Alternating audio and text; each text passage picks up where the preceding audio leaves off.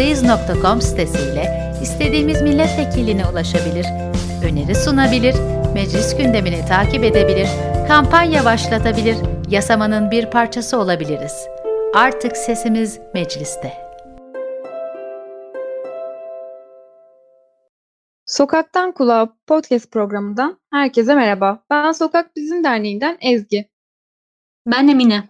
Türkiye'de yaklaşık bir buçuk aydır, dünyada ise daha uzun süredir e, insanlık olarak salgınla mücadele veriyoruz. Bu sebeple biz de bu yayını Emine ile uzaktan bağlantı yoluyla evlerimizden yapmaya karar verdik. E, bu durum bizlere evlerimizde daha çok vakit geçirmeye ve bireyselleşmeye itmeye başladı. Aslında bunun biraz can sıkıcı yanları da var. Böyle bir dönemde dışarıda vakit geçirmeyi çok özledik. Yani farklı bir yaşam deneyimliyoruz ve bu süreçten sonra yaşam biçimlerimiz de değişecek gibi görünüyor. Evet, e, bugünlerde herkesin sürekli üzerine düşündüğü bir konu aslında bu. Her şey bittiğinde normal yaşantımıza dönebilecek miyiz? Yeni rutinlerimiz neler olacak? Gerçekten de bir şeyler değiştiğinde hiçbir şey eskisi gibi olmayacak. Kafamızda bir sürü sorular var. Biz de bu soruları üzerinden şehir yaşantımızda nelerin değişeceğini konuşuyoruz. Bu sorular çerçevesinde de dernek olarak dert edindiğimiz ve insanlarda farklı bir bakış açısı yaratmaya çalıştığımız kent içi ulaşımda e, ne tür değişimler oluyor? Hep hayalini kurduğumuz sokaklar yine biz e, yayaların alanı haline gelir mi gibi bu sorular üzerinden bugün Ezgi ile birlikte bu programda şehirlerde mikro hareketlilik kavramını ele almak istedik. Bu bir podcast dahadır. Mediapod. İletişim için mediapod.com ya da @mediapod. E, günümüz metropol kentlerinin en büyük problemlerinden biri hepimizin bildiği gibi trafik. Her gün boğuşuyoruz biz bu problemle. E, şehirlerde giderek artan nüfus yoğunluğu nedeniyle de aslında toplu taşımaya olan talep de artıyor. E, ulaşım araçlarının artırılmasına rağmen bunlar hala yetersiz kalıyor. Çünkü kent içi ulaşımda bugün sorun aslında ulaşamamaktan değil, erişememekten kaynaklanıyor. Yani şöyle açıklayabiliriz. İnsanlar e, bu en çok kullanılan ve önemli akslarda yer alan metro, tramvay gibi yolcu kapasitesi yüksek ulaşım araçlarına doğrudan erişemiyor. Yani evden çıktığı anda itibaren bu araçlara erişmek için bir başka araca daha binmesi gerekiyor. E, dolayısıyla bunlara bekleme ve yolculuk sürelerini de ekleyince bu durum biraz daha kişiye özel araç kullanımına teşvik ediyor. Yani bu erişememe durumu trafik yaratmış oluyor. Evet, bir yerden bir yere özel aracımızla gitmek daha konforlu gelebiliyor ama e, bu fiziksel konfordan ziyade artık bir yerden bir yere hızlı e, eriş, e, hızlı ve ekonomik bir şekilde erişmek önemli oluyor. Bunun artık e, yeni bir karşılığı var. Mikro hareketlilik kavramı. E, bu kavramı biraz e, tanımlayacak olursak da mikro hareketlilik elektrikli bisiklet ve scooter paylaşım sistemleriyle e, istasyonsuz paylaşım sistemleri etrafında şekilleniyor ve e, yeni bir ulaşım türü olarak karşımıza çıkıyor. Bu şekilde e, tanımlayabiliriz mikro hareketliliği. Evet, bu tür ulaşım araçları son yıllarda e, şehirlerde epeyce kullanılmaya başlandı. Özellikle büyük şehirlerde e, yerel yönetimlerin desteğiyle bisiklet paylaşım sistemleri e, yıllardır sürdürülüyor. Ama buna alternatif olarak son 1-2 yıldır elektrikli scooterlar girdi hayatımıza. E, ülkemiz özelinde baktığımızda bisiklet paylaşım sistemleri e, epey de yaygın bir şekilde kullanılıyor aslında. Fiyatları makul seviyede olduğu için. E, ancak tüm dünyada bisiklet paylaşım sistemleri zaten var. Fakat esas amacı kentlere aktif bir ulaşım olanağı sağlamak. Ama tabii ülkemizde bisiklet kullanımı hala bir hafta sonu etkinliği olarak görülüyor ne yazık ki. Bisiklet istasyonlarının konumlarına da e, bakacak olursak daha çok sahil hattında ve kent parklarına yakın yerlerde.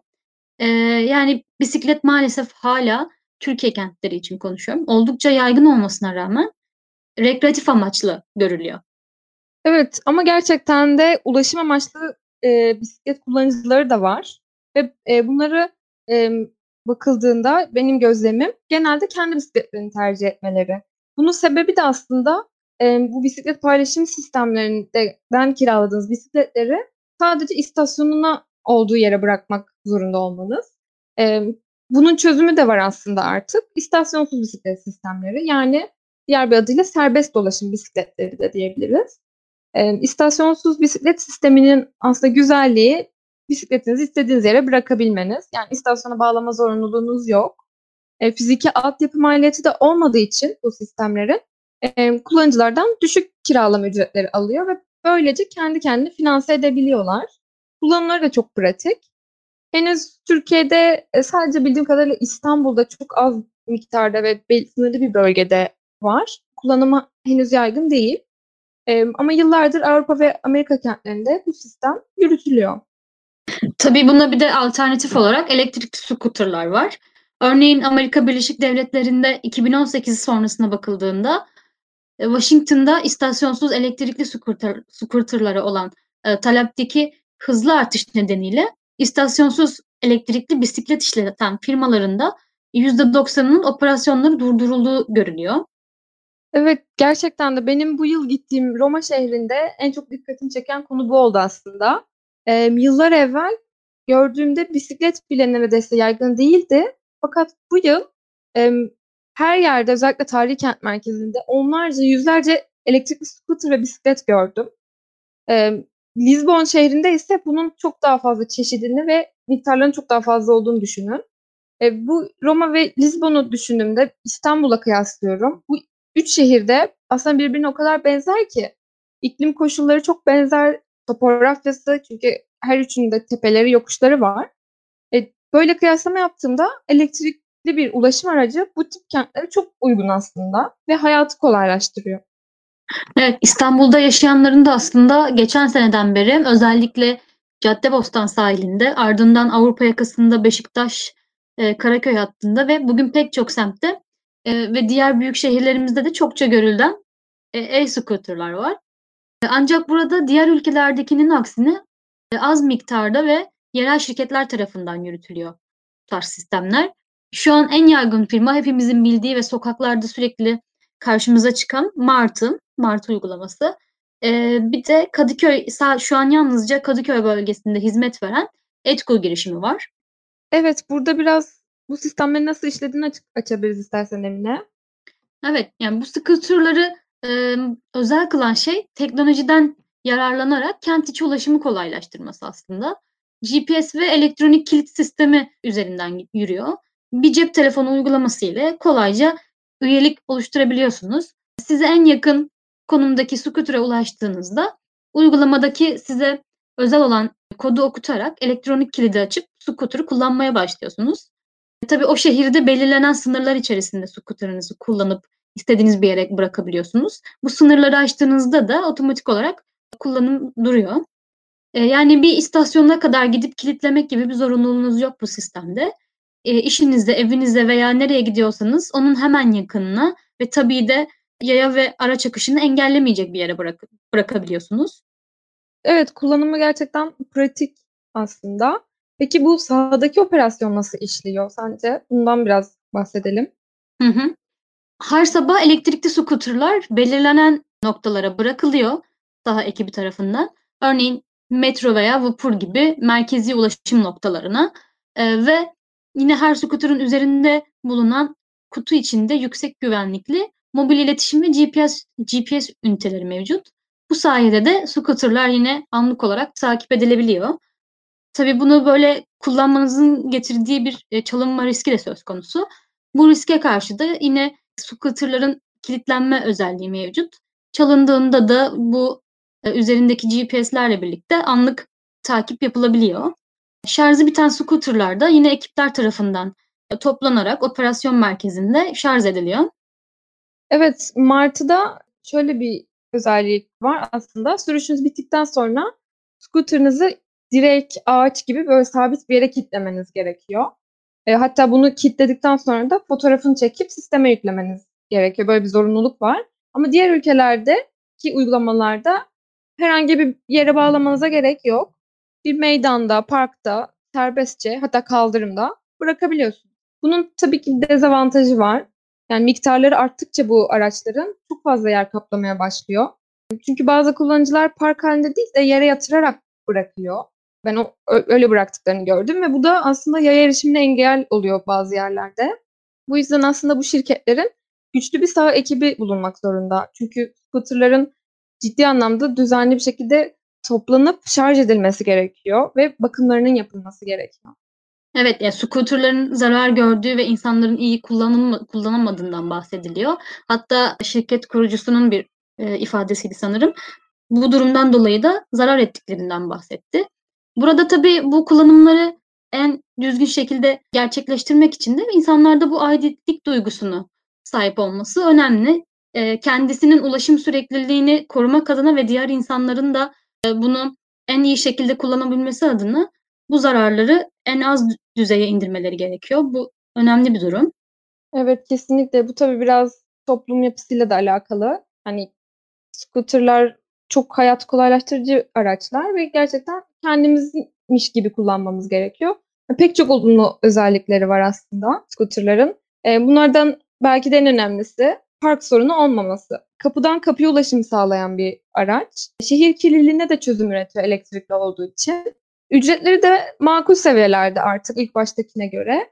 Bayağı iyi, iyi kampanyalar yapılmaya başlandı kullanıldıkça ve rakamlar sayıları da arttıkça. E, açık havada sürüşü o çok da keyifli aslında. Hızına bakıldığınızda böyle acele vapura veya işte otobüse, metro yetişmek durumlarında çok avantajlı oluyor aslında. Maksimum saatte 18 kilometreye kadar çıkıyor. Ama güvenlik konusunda aslında geliştirilmesi gerekenler var. Çünkü Türkiye için konuşuyorum yine. E, scooter kullanıcıları aslında nereden gideceğini tam kestiremiyor. E, çünkü e, kaldırımdan giderse yayalarla çarpışma riski var. Özellikle Kadıköy, Beşiktaş gibi böyle yaya yoğunluğunun fazla olduğu bölgelerde. Bu sefer zaten kaldırımlar yetersiz. Yayalar için bile yetersiz. E, taşıt yoluna inse de araçlardan dolayı çok tehlikeli. Böyle bir kaza doğmuştu hatta aylar önce İstanbul'da. Yani böyle bir risk söz konusu. Evet, senin bu bahsettiğin e, güvenli yolculuk konusu bu bisiklet ve scooter gibi bireysel ulaşım araçlarının şehir planlamasına dahil edilerek bu, bu tarz e, durumların göz önünde bulundurularak yol düzenlemelerinin yapılması gerekliliği ortaya çıkıyor. Tabii bu salgın sonrası da bu düzenlemeler belki daha da artar yeni normal düzenimizde. Evet bu konuyla ilgili ben de Cyclist dergisinde bir yazı okudum. E, Türkiye için değil Avrupa kentlerinde e, Brüksel'de sosyal mesafeyi korumak ve aktif ulaşım modlarını teşvik etmek için yeni düzenlemeler getirilmiş. E, yaya ve bisikletlere öncelik verileceği ve buna göre de otomobillerin şehir merkezinin erişimin neredeyse e, sınırlandırılacağı hatta sıfırlandırılacağı yazıyordu. E, araçların merkeze girebilmeleri için belli standartlar uygunluğunu gösteren izin belgeleri almaları gerekecekmiş. Ve bu merkezde dolaşan araçların da hız sınırı saatte 20 km olarak belirlenmiş. Yani biraz daha yaya odaklı bir kent merkezi yaratma hedefi söz konusu. Brüksel'in yanı sıra pek çok Avrupa ülkesinde aslında bisikletle ilgili önlemler alınmaya ve ulaşımda bisikleti yeniden teşvik ed- etmeye başlamışlar bu süreçte.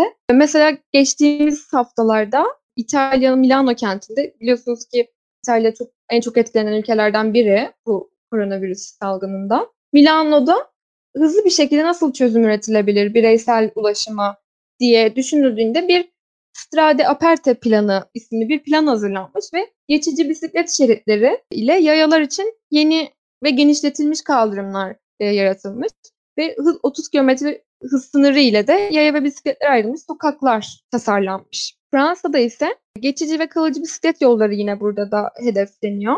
Bunları oluşturmak ve daha da arttırmak adına Fransız hükümeti 300 milyon euro ödenek sağlayacağını açıklamış. Bu gerçekten çok güzel bir normalleşme adımları. 600 kilometrelik güvenli bisiklet yolu oluşturmayı da hedefliyorlarmış. Bunun amacı tabii kalabalık metro ve otobüsleri biraz daha rahatlatmak, işte trafikteki araç sayısını düşürmek. Oldukça yenilikçi bir teşvik programı gerçekten. E, bu Avrupa kentlerinin dışında da pek çok yerde, Bogota'da örneğin uygulanmaya başlanacakmış bu tür adımlar. Londra, Budapeşte gibi diğer e, şehirlerde de bisikletli ve yayalar için alınan benzer önlem ve uygulamalar mevcut. Evet, bunları görmek güzel bir şey. Henüz Türkiye'de bu anlamda ulaşımla ilgili bir politikaya rastlamadık. Bahsedilene göre korona döneminde biz de bir artış dönemindeyiz ve bundan sonraki dönemde bu ulaşımın birazcık daha bireyselleşmesi adına bu tarz politikalara bizim de ihtiyacımız olacak gibi görünüyor. Şu an bu hem bahsettiğimiz bu artış döneminden dolayı bizim bu ödenekler çoğunlukla sağlık alanındaki çözümlere yönelik. Umarım Türkiye'de de bu durumlarla ilgili kararlar karşımıza çıkar. E, dilersen biraz toparlayalım Ezgi. Evet. E, nelerden bahsettik? İşte bu son yıllarda maruz kaldığımız ve sebep olduğumuz iklim kriziyle birlikte çevre dostu ulaşım türleri önem kazanmaya başlamıştı. E, buna ek olarak şu an bir de yeni bir küresel krizle karşı karşıyayız. E, bu sağlık krizinin olumsuz etkilerini en az derecede maruz kalmak adına kent içi ulaşımda bu bireysel ulaşım türleri ve öneminden bahsettik. Ee, yine elektrikli scooter ve bisikletlere yeni tür elektrikli araçlar eklenerek e, şehir içindeki bu e, mikro hareketlilik adımlarının artacağını da düşünüyoruz bir yandan. Evet, bu kriz günlerinde gelecekteki şehir yaşamının nasıl olacağı ile ilgili gerçekten pek çok dinamik üzerinden bu konuyu konuşabiliriz. Ama biz kentsel hareketlilikte ne tip değişimler olabileceğini düşünerek mikro hareketlilik kavramını ele almak istedik bu podcast'te. E, mikro hareketlilik gelecekte umarız biraz daha artar, biraz daha bireysel ulaşım türlerini kullanmaya başlarız. Kentsel ulaşım biçimlerimiz elbette değişecek. Bu konular üzerine bugün bir sohbet etmek istedik. Umarız keyifli bir podcast kaydı olmuştur. Yani bütün bu sıkıntılar sona erdiğinde yeniden sokaklarda olabilmek dileğiyle diyorum ben. Ve bizi dinlediğiniz için teşekkür ederiz. Herkese sağlıklı günler. Sağlıklı günler. Medyapod'un podcastlerine Spotify, Google Podcast, iTunes ve Spreaker üzerinden ulaşabilirsiniz. Medyapod'u desteklemek için patreon.com slash medyapod.